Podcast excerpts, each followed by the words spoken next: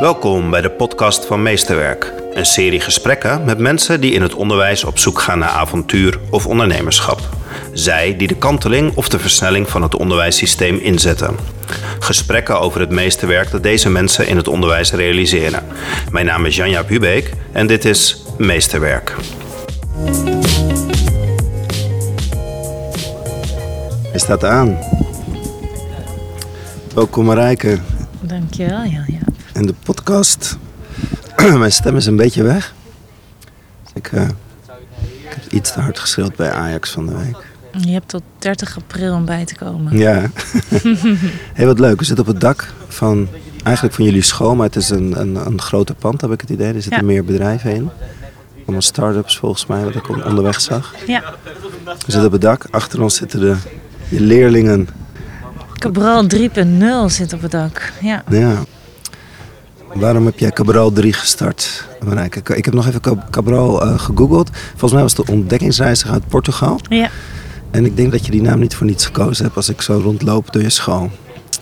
Nee, we gaan natuurlijk op Cabral gaan we op ontdekkingstocht naar jouw talent. En eh, Pedro Alvarez Cabral, die, eh, die had wel een doel. Die was onderweg naar India. En toen had hij een windvlaag en toen ontdekte hij per toeval Brazilië. En eh, hij was daar en de Brazilianen zagen hem en hij zag de Brazilianen. En ehm, ze nodigden hem uit om te komen eten. En het was een hele liefdevolle exercitie. En in zijn analen beschreef hij ze. En eh, hij zei, ach, ze zien er zo mooi uit. En nou, het was een vriendschap al om. Maar hij moest verder. En eh, in India raakte hij in een eh, slag op zee. Heel veel manschappen kwijt en schepen. En toen kwam hij gehavend de haven van Portugal in. En de koning zei, ach, wat ben jij een sukkel. Weg met jou. En hij stierf in ballingschap. En niemand had ooit meer van Pedro Alvarez Cabral gehoord. Want zijn output was niet goed genoeg. En toen Brazilië in 1823 onafhankelijk werd, toen gingen ze op zoek naar hun helden. En toen vonden ze Pedro terug in hun eigen analen. En eh, zijn vierden zijn liefdevolle benadering en zijn inspanning en zijn moed. En eh, dat is denk ik ook wat wij vieren op Cabral. Want waar ben je naar op zoek? Ik ben op zoek naar de eigenheid van de kinderen. Dus eh, ik vind het heel belangrijk dat zij leren al het nieuwe qua kennis en kunde aankunnen op het moment dat zij weten wat ze bij zich dragen om daarmee om te gaan. Ik wil dat ze weten dat ze doelen kunnen stellen en die kunnen bereiken. En dat zij ook ja, de skills en de talenten hebben. En die zijn per individu allemaal heel erg anders om dat aan te kunnen. Hoe ben je daar toe gekomen om Cabral te starten?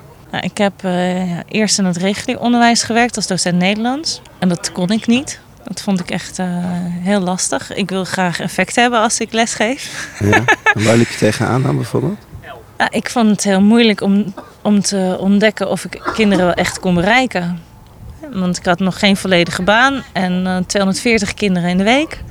En dan had ik ongeveer twee minuten per leerling per week om te ontdekken eh, waar zij dan specifiek tegenaan liepen. Dus ik wilde graag interventies doen als er, als er nog iets nog niet helemaal klaar was. Of, dan had ik een lesdoel en dat was dan bijvoorbeeld... eh, nou, aan het eind van deze les moet je de signaalwoorden kennen en je moet ze kunnen toepassen. En dan gingen ze daarna gingen ze weer eh, na 50 minuten die les uit. En toen dacht ik, ja, maar hoe weet ik nou of mijn lesdoel is geslaagd? En ik kreeg het gewoon niet voor elkaar. En dan over drie weken was er een toets. En dan had eh, eh, Anne had een vijf. Maar dan wist ik niet precies waarom Anne een vijf had. En wat ik daar dan aan kon doen. Maar dat was helemaal niet de bedoeling. Maar dat, dat, dat, dat, dat kreeg ik gewoon niet eh, rond. dat ze daar dan niet naar op onderzoek naar gingen. Dus ja, Anne, wat heb je dan? Heb je verdriet gehad? Of ben je laat naar bed gegaan? Of snapt hij het niet? Wat kunnen we nou doen om de volgende keer wel succesvol te zijn? Wat draag je bij om het aan te... Nou, dat, dat, daar werd aan voorbij gegaan. Dus ik, en ja, ik dacht dat het aan mij lag. Ik kijk altijd in eerste instantie naar mezelf. Toen dacht ik, nou, ik kan het dus niet. Dan ben ik geen goede juf. Dan moet ik gewoon kleinere groep. En toen ben ik naar Luzak gegaan. En daar ben ik, eh, denk ik, 15 jaar juf gebleven. Terwijl ik ook conrector werd en rector. En, en ehm, wat managementtaken van de landelijke directie op me kreeg. En toen zag ik, nou, wat, wat aandacht kan doen. En toen dacht ik, nou, hoe kunnen we er nou voor zorgen dat ze straks ook onafhankelijk zijn in hun leren? Eh, die slag kon ik niet maken, want mijn groei hield daar wel op. En toen ik wegging, bij mijn laatste vestiging in Hilversum, zeiden de leerlingen... "Ah, Mevrouw, u ziet ons heel goed, maar u ziet uw eigen talent helemaal niet. Mooi. ja. Ja. Ja, zij hebben me ook het meeste geleerd wat ik heb geleerd in mijn leven. Dat komt van leerlingen af. Want ze confronteren je constant met je eigen gedrag en ehm, met je eigen emoties. Toen dacht ik, nou, dan moet ik daar dus aan gaan werken. En toen ben ik een Gallup coaching gaan doen van Kompels in Kracht. En toen kreeg ik eindelijk woorden voor mijn talent. Ik had wel eens insights gedaan of een andere cursus gevolgd. Maar nu ontdekte ik dat ik een learner ben en dat ik uh, ideeënvorming heel hoog heb staan.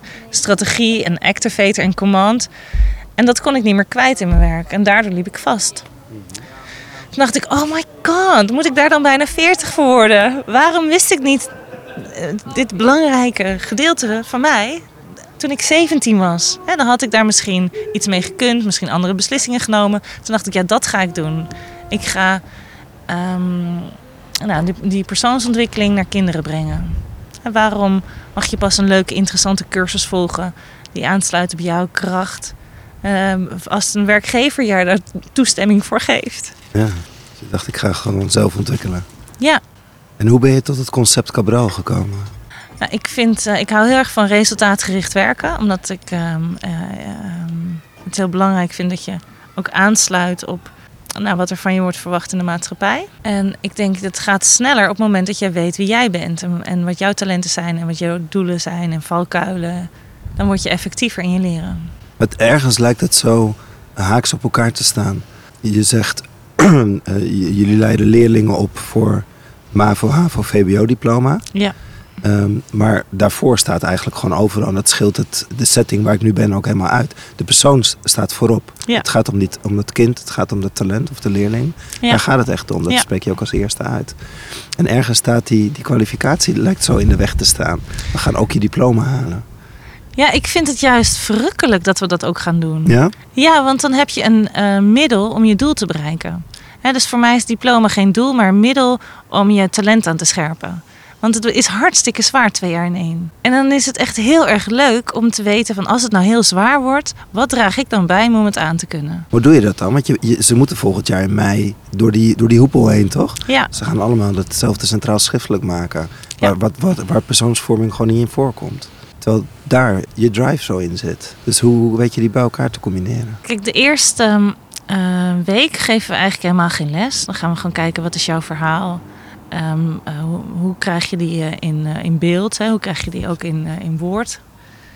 We gaan kijken naar wat is de waarheid eigenlijk? Bestaat die wel? Of is het alles maar een vorm van perspec- perspectief? En wat zijn, jouw, wat zijn jouw doelen? En hoe kunnen we er nou voor zorgen dat jij jouw doelen koppelt aan je eigen talent? En op het moment dat een, een, een leerling ergens tegenaan loopt, dan kijken, goh, eh, welk talent kun je hier inzetten? Of ehm, wat gebeurt er nu niet wat je wel kan gebruiken?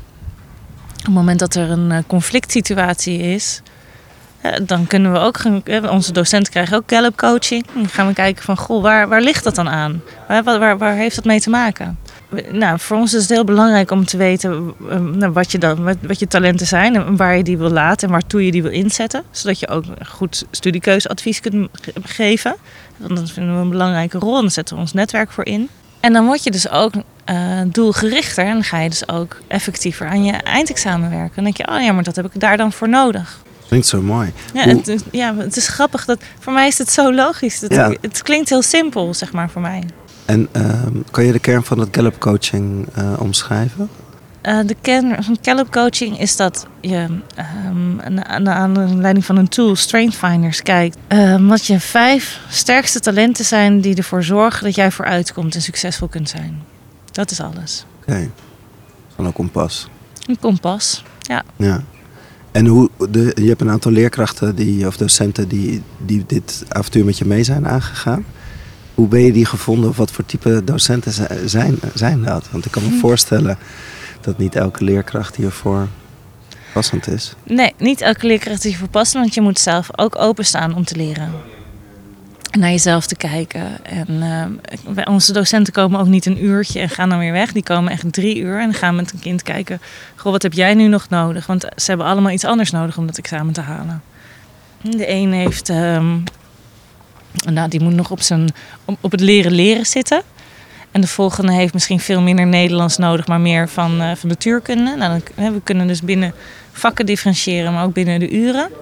En de docenten die komen, die vinden het gewoon heel erg leuk om mee te doen en mee te kijken. Die zijn gewoon heel benieuwd. Dus wij, zo- wij zijn eigenlijk nooit op zoek naar eerste graads docenten. Terwijl de, de meeste van ons zijn wel eerste graads bevoegd. Maar we zijn echt op zoek naar mensen die zeggen... oh nou, wat interessant en ik wil mee op avontuur. En die gewoon heel benieuwd zijn naar hoe ze een kind verder kunnen helpen. Wat heb jij nodig? Dat is onze eerste vraag. Hoe heb je ze gevonden? Nou, sommige komen nog uit mijn oude Luzak-netwerk. Andere ehm, kwamen op mijn pad omdat ze eh, toevallig een gesprek hebben overhoord. Ja, ik, ik, zat een keer bij Festina Lente met Brechtje Zwanenveld. dat is mijn oude stamkroeg. Ja, en toen Brechtje opstond en vertrok, toen draaide iemand anders zich om en die zei: Maar ik, daar wil ik ook werken. Mhm.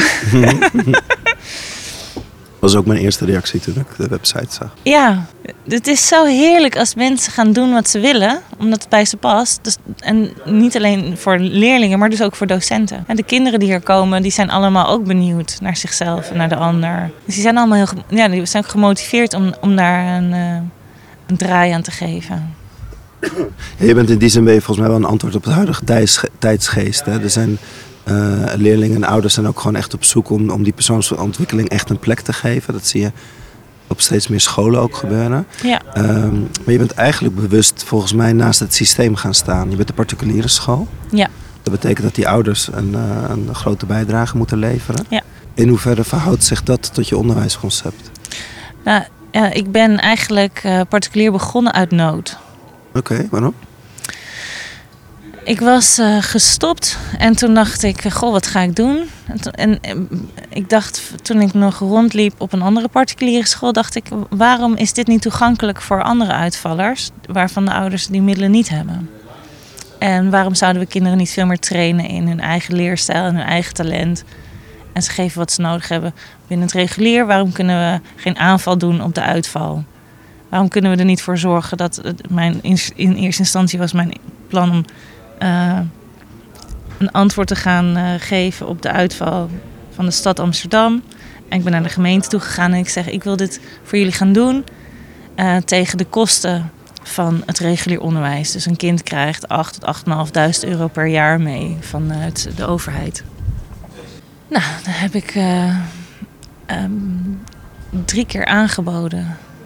En dat is ehm, niet aangenomen. Ja. Teleurstellend. Ja, dat is, dat, doet wel, dat is wel jammer. hè. In eerste instantie zei het is te duur. Ik zeg, nou, dat kan niet, want het is eh, gewoon tegen reguliere kosten. En toen zei ze, ja, maar dan wil iedereen wel passend onderwijs. En toen dacht ik, ja, Ja, dat is het idee Dat wil van ik passend ook. onderwijs. ja. En nu heb ik, ehm, nu, ja, heb, nu denk ik, ja, ik, ik, ik wil gewoon laten zien dat het kan. Ook, ook tegen eh, reguliere tarieven. Ja, want Ja. eh, het- dat, je hebt nu de School voor Persoonlijk Onderwijs in Noord. En die heeft al jaren laten zien, ook, die zijn begonnen in eh, Zeeland. eh, met eh 1 op 16 kinderen. Maar die vallen niet onder een bestaand bestuur. Dus daar gaan geen kosten aan verloren. Maar mijn verlangen is gewoon vooral schaalverkleining. Ik wil dat iedereen eh, op elke hoek eh, in de stad naar school kan. En daar ook een deel ontwikkeling mee krijgt. We zeggen allemaal, ja, opvoeding dat hoort thuis. Maar ik denk niet. Ik denk dat je gewoon rolmodellen nodig hebt. Mensen die het voordoen. En ik denk ook wel dat het mijn belangrijkste taak is eh, eh, in Cabral. Is dat ik laat zien dat ik mens ben. En dat ik eh, ja, ook faal en het soms moeilijk vind. En dan weer door moet gaan. Dat ik ook uitstelgedrag vertoon. Zij zeggen, Marijke, moest je niet aan de marketing? ja. Ben je het weer aan het uitstellen? Zeg ik, oh, je hebt me door. Nou, kom op Marij, zeggen ze dan. Ja? ja. Ja. Is dat dan ook een belangrijk onderdeel in marketing? Nou, dat zou ik, dat zou ik veel meer eh, tijd aan moeten besteden. Want dat, dat, dat, dat, dat is mijn, dat, is mijn, dat is mijn valkuil. Dat ik het heel Ja. lastig vind om te zeggen... Oké, dit is dus een oplossing voor het onderwijs. Ik, want ik denk niet dat het dé oplossing is, maar, maar een, Een oplossing. ja, mijn oplossing, zeg Ja. Hoe kom je nu aan je leerlingen? Waar haal je die vandaan? Of hoe, hoe weet je leerlingen en die ouders te, te, te bereiken? Ik heb ehm, een aardig netwerk van oud-leerlingen en oud-ouders. Op die manier komen ze tot me. En soms vinden ze me echt via Google. Ja? Ja. Zijn ze allemaal vastgelopen in het, in het onderwijs? Nee. Nee? Nee. Kan je het een beetje algemeen schetsen? Dus ik, ik, ik heb het, van de week heb ik het opgeschreven. Toen dacht ik, nou, we ge- bieden ongeveer eh, een oplossing voor eh, tien verschillende groepen. Hè, sommigen zijn wel vastgelopen of hebben het niet naar hun zin gehad. Sommigen zijn ziek geweest. Anderen hebben geen zin meer in het regulier onderwijs nadat ze al eh, de haven hebben afgerond. En denken, nou, nu heb ik nog wel een VWO-diploma, maar dat ga ik echt niet nog twee jaar doen. Of daar ben ik te oud voor geworden. Of, Vorm past niet. ja, en sommigen die moeten nog maar een paar vakken, of omdat ze eh, gezakt zijn, of omdat ze juist geslaagd zijn en denken ik heb nog niet het juiste profiel. En die gaan eh, bijvoorbeeld een beta-profiel doen bij ons. Voor geneeskunde of eh, een studie in Delft. Dus eh, ze hebben allemaal eh, een hele andere achtergrond. Het enige denk ik wel wat ze eh, gemeenschappelijk hebben, is dat ze allemaal een beetje eigenwijs zijn. Ja? Ja, Hoe doe je daarmee? nou, vieren. En ik vind het heel erg leuk als je eigenwijs bent. Ja. Maar zijn ze eigenwijs, of zijn ze eigen gereid, of zijn ze authentiek? Of zijn ze precies in die fase dat ze echt op zoek zijn naar zichzelf en dat dan ook hier vinden? Nou, ik, het is een combinatie van factoren. Ik, ik- ze hebben helemaal geen behoefte meer aan iemand die ze gaat betuttelen. Nee. En ze hebben een, eh, een verlangen en eh, wij ondersteunen hen om dat zo goed mogelijk te bereiken. En af en toe, ja, dan zijn ze 17 en zeg ik, nou kom op jongens, aan de slag, doe het, weet je, go for it. En als je het niet voor jezelf doet, doe het dan voor mij. een beetje emotionele chantage hoort erbij. Ja? Dat werkt wel. Nou ja, we, zijn, we doen het samen. Het is toch grappig. Maar ze zijn, eh, ze zijn bereid om er wat voor te doen. Want er moet gewoon heel veel gedaan worden ook. Ja. Maar ze zijn ook wel benieuwd ja, hoe zij dat dan doen. Hè? Wat, wat hun manier van leren is. Hè? De een leert beter door eh, filmpjes te kijken. En de ander leert beter door te horen van iemand anders. En de volgende legt het liever uit. Dus dat combineren we ook heel erg. Dat, Ja. ze hun- dat de een... Nou, ik heb Abigail, die vindt het gewoon fantastisch om te preachen. Nou, die gaat het dan aan Nathan uitleggen. Die het gewoon liever van haar hoort dan van het boek. Ja. Nou, zo leren ze het alle twee. Je, je begon je verhaal dat je op een eh, reguliere school zat en dat je eigenlijk baalde van de toetsen, want daar kon je niks mee. Ja. Ehm, ik las vanmorgen op jullie website dat jullie veel aan formatief toetsen doen. Ja. En dat was een belangrijk onderdeel. Kan je uitleggen wat je dan uh, wat je, wat je daarin doet en hoe je dat vormgeeft? Nou, het is heel simpel. We, we, toetsen heel weinig. En als we toetsen, dan uh, nemen we dat bloed serieus. We noemen dat wel schoolexamenweken.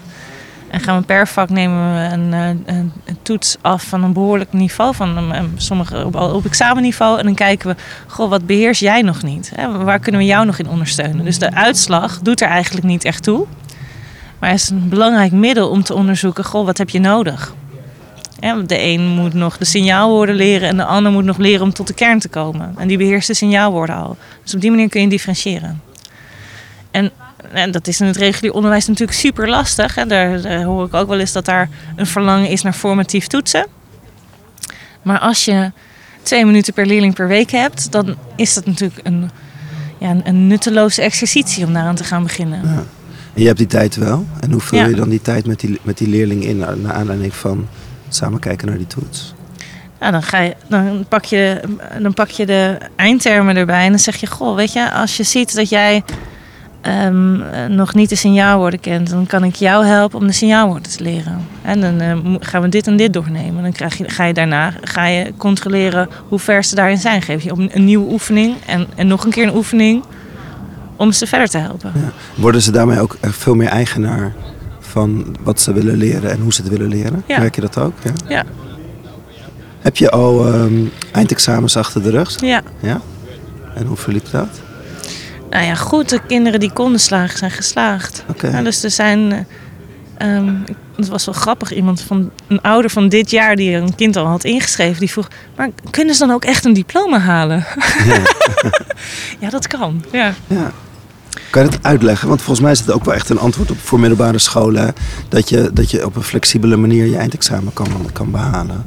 Ja, kijk, mijn verlangen is eigenlijk om. Ik, ik heb een veel groter plan in mijn hoofd. Dat zou ik, zou ik niet. Nou, dat, dat, ik zou het gewoon heel erg leuk vinden als je lessen clustert en um, um, kinderen al vanaf, v- vanaf de start, of misschien vanaf 12 jaar, niet, allemaal zes jaar onderwijs geeft. Ik vind het heel gek dat de een zes jaar naar school mag en de ander maar vier jaar. Dat vind ik gewoon heel bijzonder. Dat zij niet de tijd krijgen om te rijpen en om na te denken. En dus iedereen zes jaar naar school en dan krijg je een groep eh, van 30 als het ehm, ehm, particulier is, een groep van 60 als het regulier is. En die krijgen vier stamdocenten. Een alfa, een beta, een gamma en een libero voor hart en handen. En persoonsontwikkeling.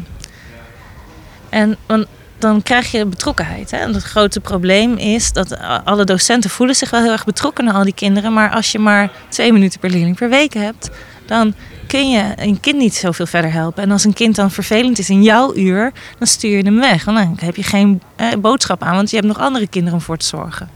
Maar als je een kind de hele week ziet, hè, jij bent leraar in het basisonderwijs geweest, en een kind doet vervelend, zeg je liever, wat is er met je?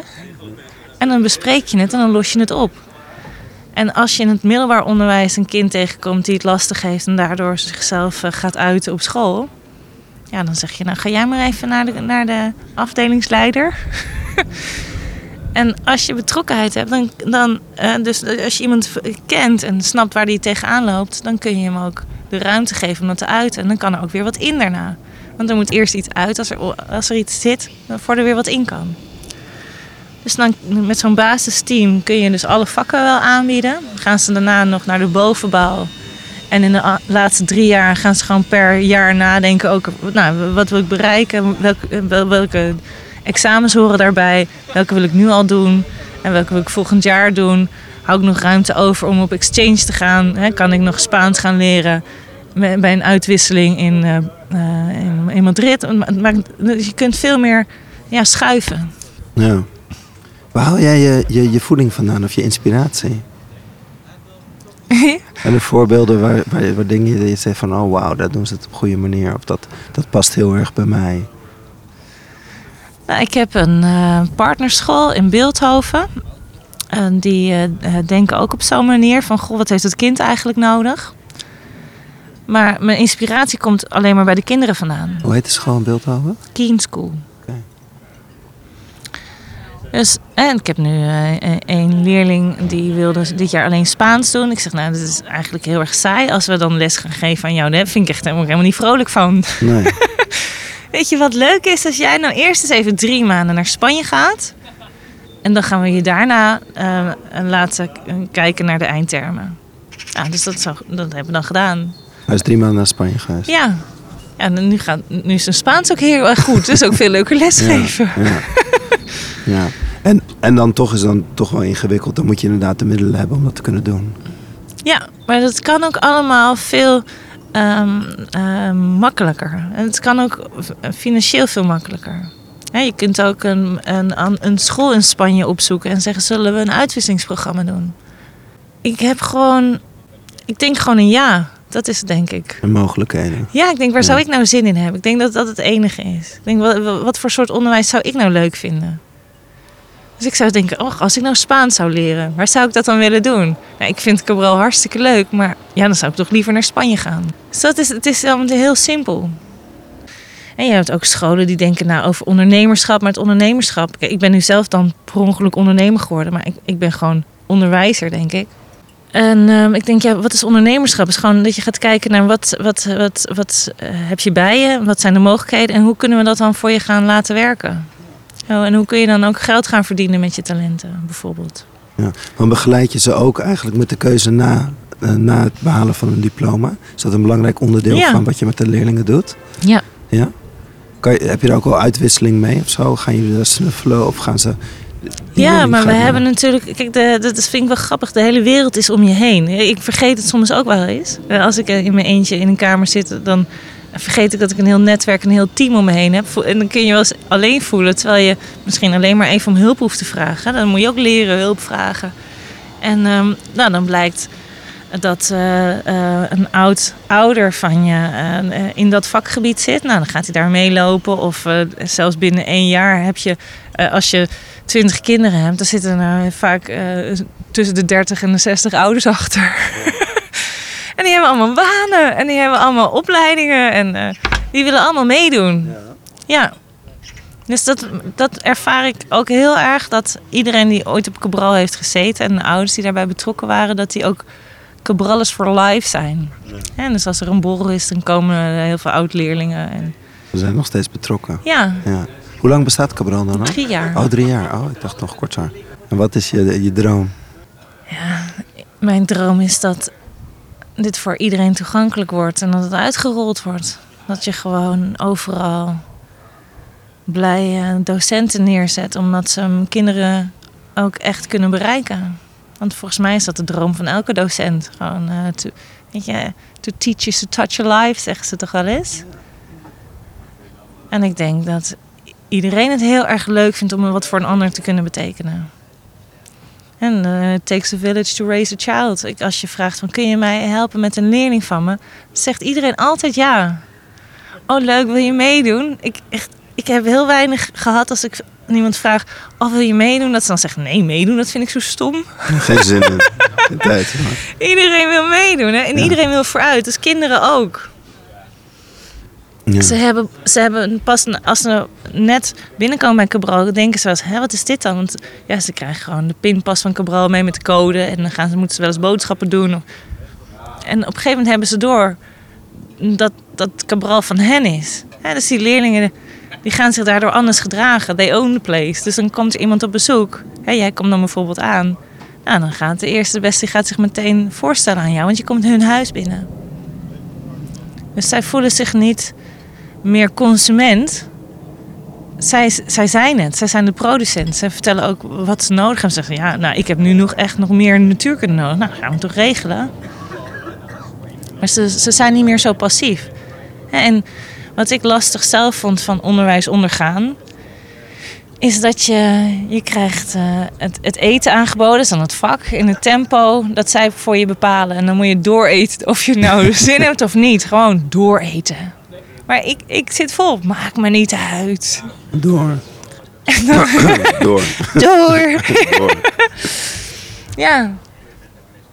En ja, dat, dat, dat vond ik echt heel erg.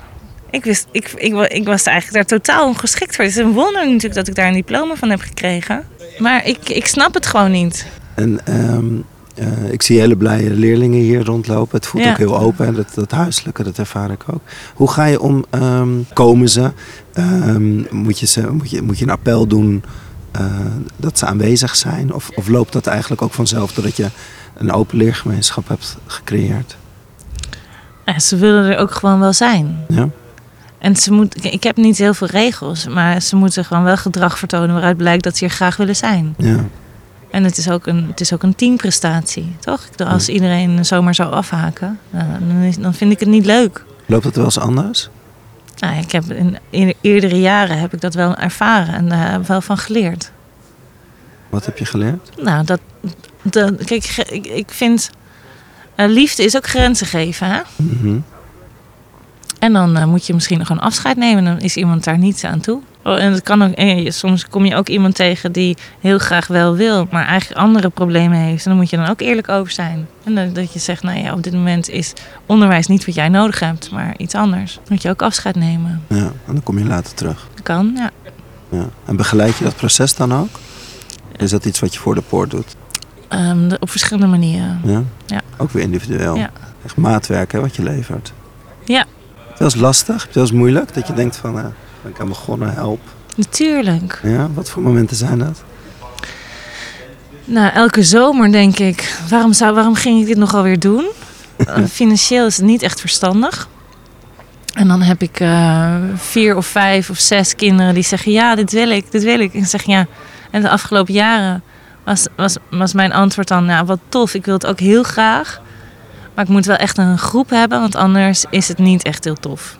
En dan op een gegeven moment ergens in juli of augustus heb ik dan besloten van nou oké, we gaan het doen. Maar dan zeg ik ja, maar dat, dat, dat levert me wel, wel een financieel risico. En dus dan ben ik echt heel erg bang. Ja. denk ik, help! Of eh, ieder jaar denk ik, oh wat verschrikkelijk. Want ze gaan toch weer examen doen. En eh, hebben ze echt wel gekregen wat ze nodig hebben. En ik denk dat dat antwoord ook echt ja is. Want ze, ze- alles wat ze nodig hebben, kunnen ze krijgen. Maar het is, december is altijd heel zwaar. En dan moeten ze en echt do- door het duister heen geleid worden. Maar ik, in de meeste dagen geniet ik zo van ze. Ze maken het ook zo leuk. Ik heb zoveel lol met ze. Want je bent het hele week. Ja, ja, ja, ik wil eigenlijk. Mijn plan is altijd dat ik drie dagen ga werken. En dat ik die andere dagen marketing ga doen. Maar ik heb heel veel afspraken die ook gewoon op Cabral kunnen. En ik geniet ook heel erg van ze. Ik heb gewoon. ja, ze vertellen je iedere keer wat nieuws. Nou, blijk ik. Sinds kort heb ik dus hele korte onderarmen, blijkt. Wat dan? Nou, ik was met Jona, ging ik handje drukken. En toen bleek dit stukje gewoon te kort. en ik heb enorm lange benen, dus ik ben een soort T-Rex. Ah, Je leert de hele dag weer wat over jezelf. Nu ben ik bijna 43, nu ben ik een T-Rex. Er gebeurt altijd van alles. ja. Hey, maar die marketing, hè, die komt nu ook ook twee keer terug. Zijn die leerlingen niet de, marketing tool bij uitstek? Die vertellen toch het verhaal? Ja, dat is ook zo. Maar kijk, het, is een- kijk, 20.000 euro is toch gewoon wel een heel erg behoorlijk bedrag. Ze betalen 20.000 Ja. euro per jaar. Ja. En eh, daar gaan ze ook liever niet mee te koop lopen in hun eigen omgeving. Nee. Hier, dit is een leuke school, 20.000 euro moet je ook doen, joh. Dus Ja, dat, nee. gel- zijn gelukkig niet van het type dat roepen... ach joh, dat heb je zo toch liggen. Dus dat, dat siert ze ook, vind ik. Ja. Heb je er middelen voor om, om ze te, te helpen? Of wegen om in de loop van het jaar ergens dat geld bij elkaar te sprokkelen? Ja hoor. Dat is ook een deel van de marketing, of niet? Ja, kijk, zij zijn gelukkig heel blij om het verhaal te vertellen. En eh, ze, eh, zijn heel, ze, zijn, ze doen zelfs mee. En dan zeggen ze, ach Marijke, zal ik even posters van Cabral ophangen in die en die school? Dan zeg ik, ach wat heerlijk, ja dankjewel. Of ehm, dan komt Mercedes komt binnen en heeft ze een hele doos besteld met hele toffe Cabral hoodies. Zegt ze, zal ik dat doen? Ik zeg, nou hartstikke tof, doe het. Dus dat zij, ze denken en doen heel erg mee. Ja. Dat is wel heel gaaf. Of, eh, en dan is er zelfs een zusje van een leerling die zegt: Mag ik ook zo'n hoodie? En die gaat dan op haar eigen school met die hoodie rondlopen. En denk ik: Ach, wat cool. Ja. En dat ze er trots op zijn. Ja, En dat maakt me denk ik het meest gelukkig. ja dat snap ik. Dat zij gewoon trots zijn dat ze hier zitten. En Ja. complimenten. Dankjewel. Ja. Dank je voor het gesprek. Graag op gedaan. het dak van het Cabral. Dit gesprek met Marijke Voerman over het Cabral Instituut is er eentje van de serie Meesterwerk. Voor meer gesprekken kun je abonneren op iTunes, Spotify of Soundcloud. Wil je meer informatie over dit gesprek, beeldmateriaal bijzien of wil je meer weten over deze podcast? Bezoek dan janjaaphubeek.nl. Hoe dan ook, ik nodig je graag uit voor het volgende gesprek van Meesterwerk. Maar vergeet jezelf in de tussentijd niet de vraag te stellen: waarom kunnen wij eigenlijk geen aanval doen op de uitval in het onderwijs?